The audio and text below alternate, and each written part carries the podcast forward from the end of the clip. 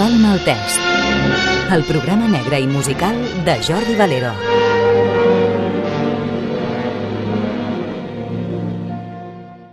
Benvingudes i benvinguts al fascicle número 8 del Mussol Maltès. O gairebé hauria de dir el fascicle 007 bis. Doncs avui, com en l'anterior, torno a parlar de Bond, James Bond, aquest cop en la seva adaptació cinematogràfica. Però parlar de les seves 27 pel·lícules suposaria dedicar-li un munt de fascicles i, per tant, m'he decidit a parlar només d'una. La més significativa de tota la sèrie pel fet de que incorpora tots els trets rellevants que identifiquen un film bon. Vinga, penseu en quin pot ser. I mentre ho feu, us poso el tema principal de James Bond en una versió molt poc coneguda que va arranjar un gran del jazz com va ser Count Basie, un Leo del 21 d'agost de 1904 i mort el 1984. Va crear la seva primera banda el 1934, tot acaba en 4. I malgrat els anys 50, amb el declivi de les orquestres en benefici dels quartets i dels solistes, la va mantenir fins al final. Amb la seva big band de 16 músics, va gravar discs extraordinaris amb veus tan destacades com Ella Fitzgerald o Frank Sinatra. I també va versionar temes de les quatre primeres pel·lícules de James Bond a ritme de jazz i ho va publicar el 1966 en un disc nomenat Basie Meets Bond.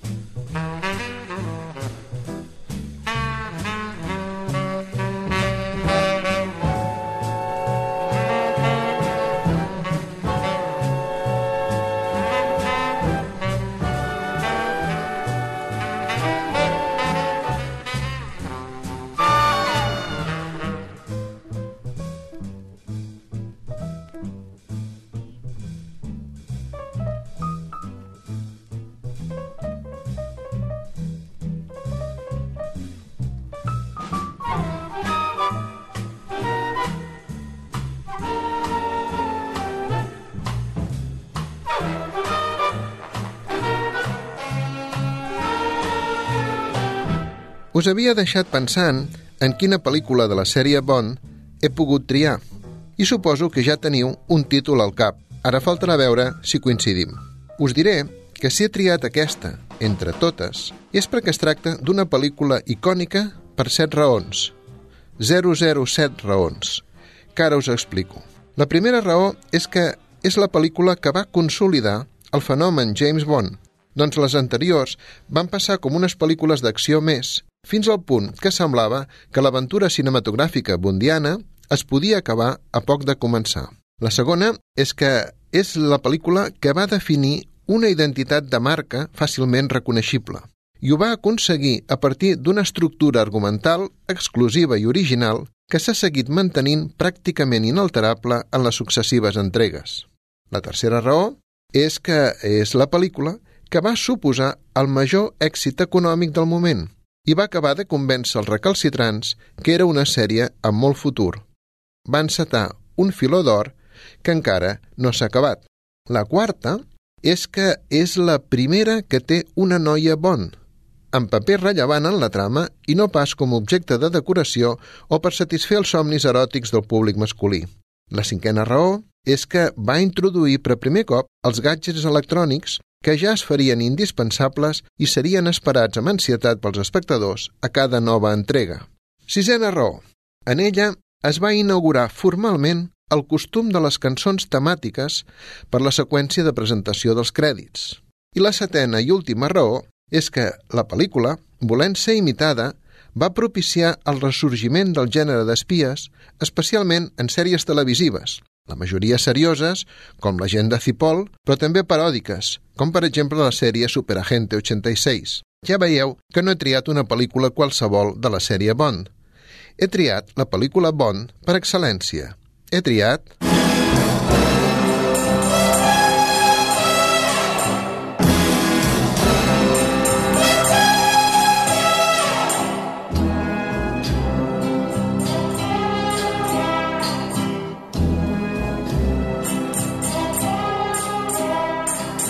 Goldfinger. He's the man, the man with the Midas touch. A spider's touch. Such a cold finger. Beckons you to enter his web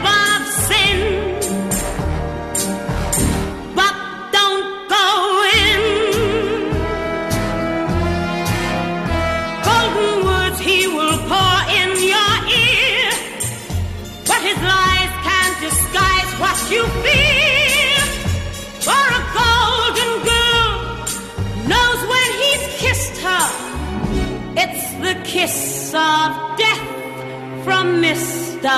Goldfinger. Pretty girl, beware of this heart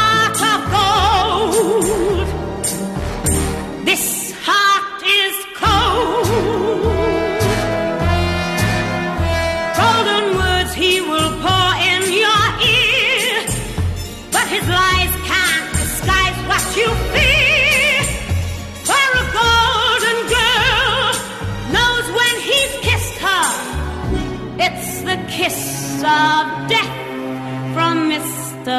Goldfinger. Què? Havíem coincidit? Goldfinger és la tercera pel·lícula per ordre seqüencial i la que va consolidar i rellençar el fenomen James Bond. Estrenada el 1964, el guió és bastant fidel a la novel·la homònima d'Ian Fleming, i aquesta, igual que les dues anteriors, també està protagonitzada per l'actor escocès Sean Connery. L'argument de la pel·lícula es centra en la figura de Goldfinger, un joier internacional que és, en realitat, un contrabandista d'hort i ha ideat un pla per entrar a Fort Knox i contaminar de radioactivitat amb una bomba bruta l'or amagatzemat havent neutralitzat els militars amb gas nerviós ruixat des d'uns avions. L'objectiu és aconseguir revaloritzar el seu estoc d'or i ser el subministrador del preuat metall més important del món. És el que Goldfinger denomina Operació Gran Slam.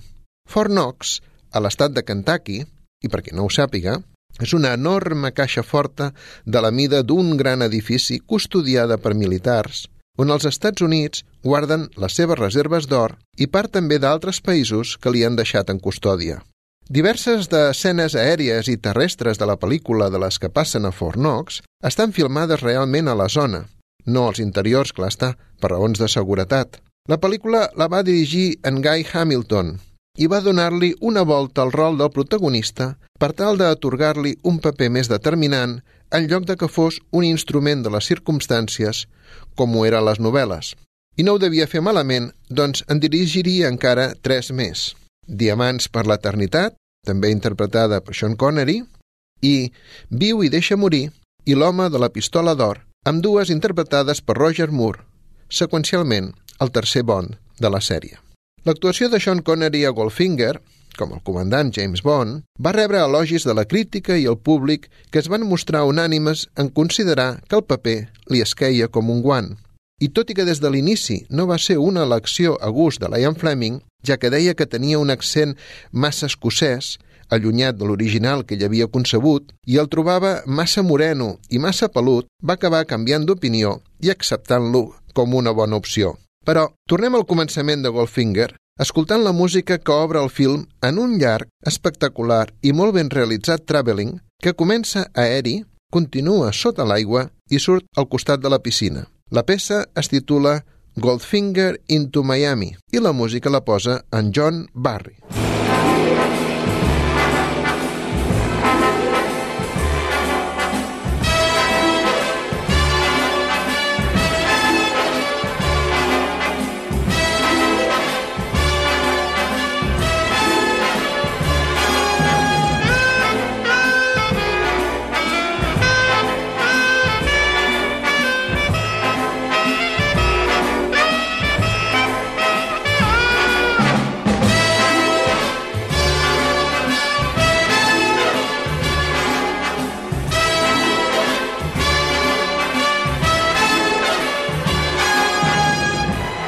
Lion Fleming va morir el 12 d'agost de 1964, malauradament just un mes abans de l'estrena de Goldfinger, que va tenir lloc en el cine Odeon Leicester Square de Londres el 17 de setembre del mateix any, i no va poder gaudir veient com el seu personatge, inicialment anodí, esdevenia un heroi de masses mundial.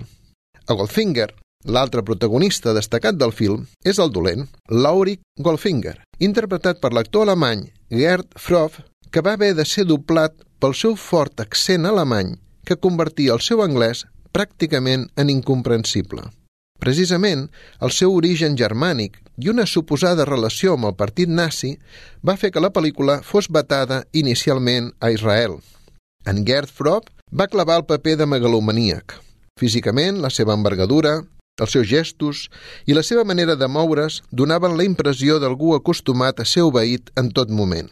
En Frov es va emportar el paper perquè el primer candidat, Orson Welles, va demanar un sou massa pretensiós. Hagués estat curiós veure en Wells fent de dolent a Bond. Segur que ho hagués brodat. Sembla que l'escriptor, Liam Fleming, s'hauria inspirat en el seu veí, Erno Goldfinger, un arquitecte d'origen hongarès, pel nom del personatge, es veu que la vivenda que va construir era tan aberrant en el context i es va mostrar tan insensible a l'entorn que en Fleming va premiar la seva actitud prepotent batejant un megalomaníac amb el seu nom. El 2017, un dels guitarristes de jazz més famosos de l'actualitat, en Bill Frisell, va esmerçar-se en fer uns arranjaments, amb un resultat extraordinari, tot s'ha de dir, de la cançó Goldfinger, tocant ell la guitarra i només acompanyat del jove Thomas Morgan, al contrabaix.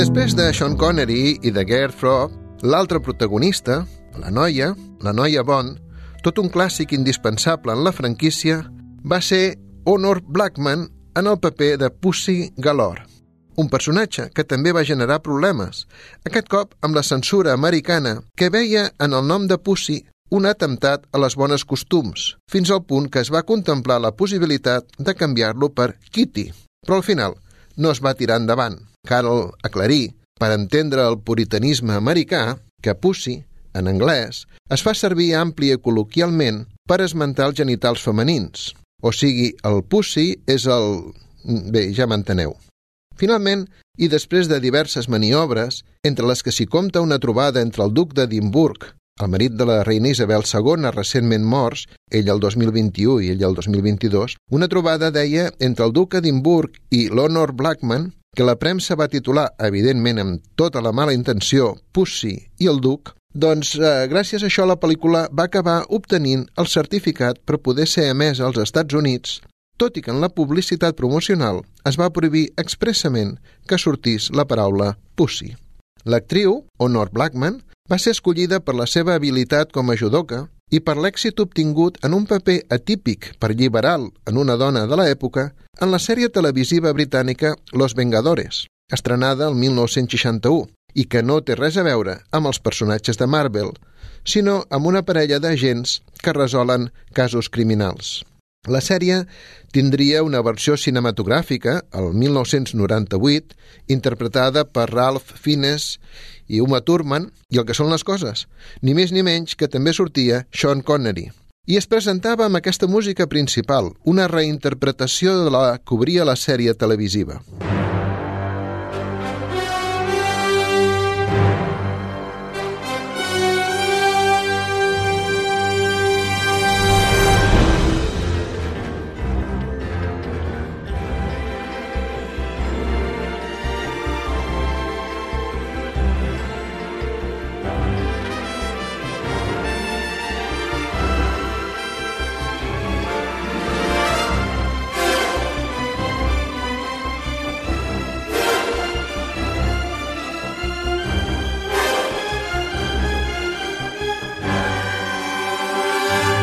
La pel·lícula Goldfinger, la roba i el barret de Bond, tot fet a mida, van generar tendència de moda. Li esqueien perfectament ressaltant la seva figura atlètica i el barret del model Trilby, que havia ressorgit a primers de 1960, es va veure molt potenciat.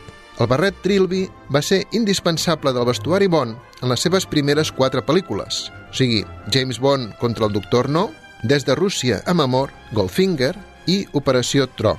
Tot i això, en la famosa escena del partit de golf entre Bond i Goldfinger, Bond no du un trilby, sinó que du un barret panamà, en concret el model Palm Springs, en color negre, un barret tan lleuger i transpirable que sembla fet de paper. I parlant de barrets, cal recordar el bombí Derby, l'arma letal que du el coreà Odd Job, el factòtum de Goldfinger, amb ales d'acer amagades per la roba, amb capacitat per decapitar una estàtua d'una volada. Quan va acabar el rodatge, aquest bombí va anar a parar a mans del club de fans de James Bond i el 1998 va ser subestat a la Casa Christie's per 62.000 lliures esterlines, el que al canvi actual voltaria els 100.000 euros. Un barret que va ser confeccionat per la pel·lícula al mateix lloc que la resta de barrets Bond, que són els subministradors oficials i que és la casa Lock Co. Hatters de la cèntrica St. James Street de Londres. Una casa de barrets amb molta tradició, doncs des de 1676 es dedica a confeccionar i vendre força models, enviant-los curosament embalats a tot el món. Si en voleu algun, només heu d'entrar a la seva web i triar. El Trilby, existent des de 1894, és el model que s'havia mullat quan Jane Kelly havia cantat amb ell sota la pluja. El que va dur anys més tard Peter Sellers, amb les ales baixades, fent d'inspector Clouseau a la Pantera Rosa. El de color negre que els Blue Brothers van oficialitzar en el seu icònic vestuari, i el mateix que en Leonard Cohen passejava elegantment pels escenaris de tot el món. La desapareguda Amy Winehouse va dedicar precisament una cançó a aquest model de barret i la va titular tal qual, Trilby. I la lletra fa referència a un particular concepte de moda.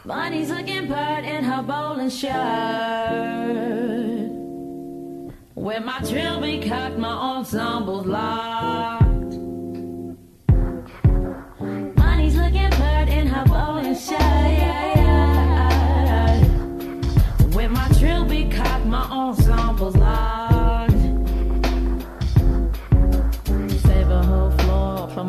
Couture when I got more shoes than Carrie Bradshaw.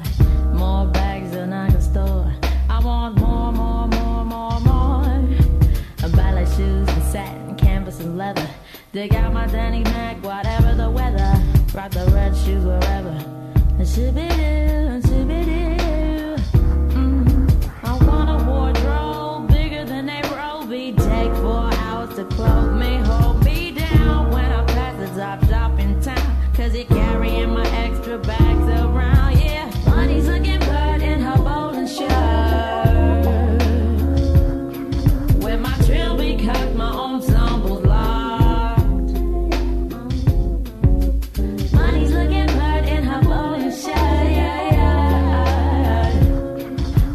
With my trilby cocked, my ensemble's locked.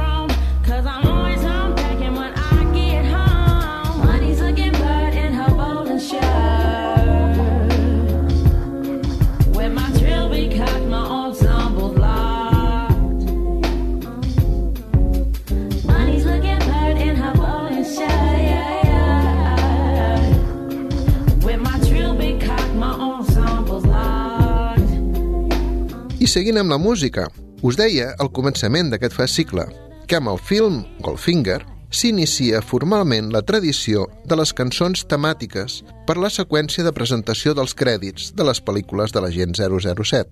La cançó Goldfinger va ser cantada per Shirley Bassey i després d'ella, artistes força coneguts van voler veure associat el seu nom a un títol de la factoria Bond. Gent com mm, Tom Jones, Nancy Sinatra, Louis Armstrong, Paul McCartney and the Wings, Carly Simon, Duran Duran, Tina Turner, Madonna o Adele, per citar-ne només alguns. Diverses revistes especialitzades han convingut amb enquestes periòdiques que Goldfinger és la segona millor cançó de les pel·lícules Bond i que la primera és la balada que canta Carly Simon titulada Nobody Does It Better, Ningú ho fa millor, que pertany a la pel·lícula The Spy Who Loved Me, l'espia que em va estimar, de 1977, interpretada per Roger Moore i Barbara Bach, aleshores encara no estava casada amb el bateria dels Beatles, Ringo Starr.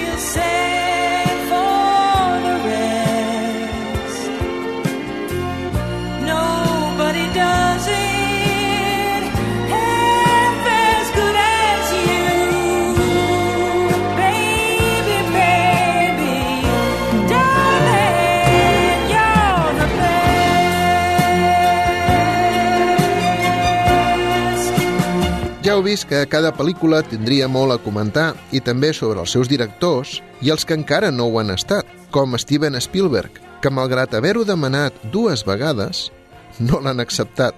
La veritat és que particularment tinc molta curiositat per saber com encararia Spielberg la seva manera d'entendre 007. Li queda el consol de que als Goonies, pel·lícula de la que era productor, sona la música de Bond en una escena en la que Data llisca per un cable. Un just intercanvi, ja que ell els havia prestat les cinc notes d'Encuentros en la tercera fase pel codi d'obertura d'una porta a la pel·lícula Moonraker, protagonitzada per Roger Moore.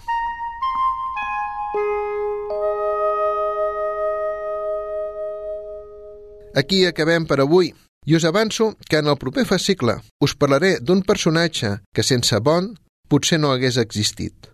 Gràcies per escoltar-me i gràcies a Beatriz Aguilar per la gestió a les vies de so. Soc Jordi Valero i això és El Mussol Maltès.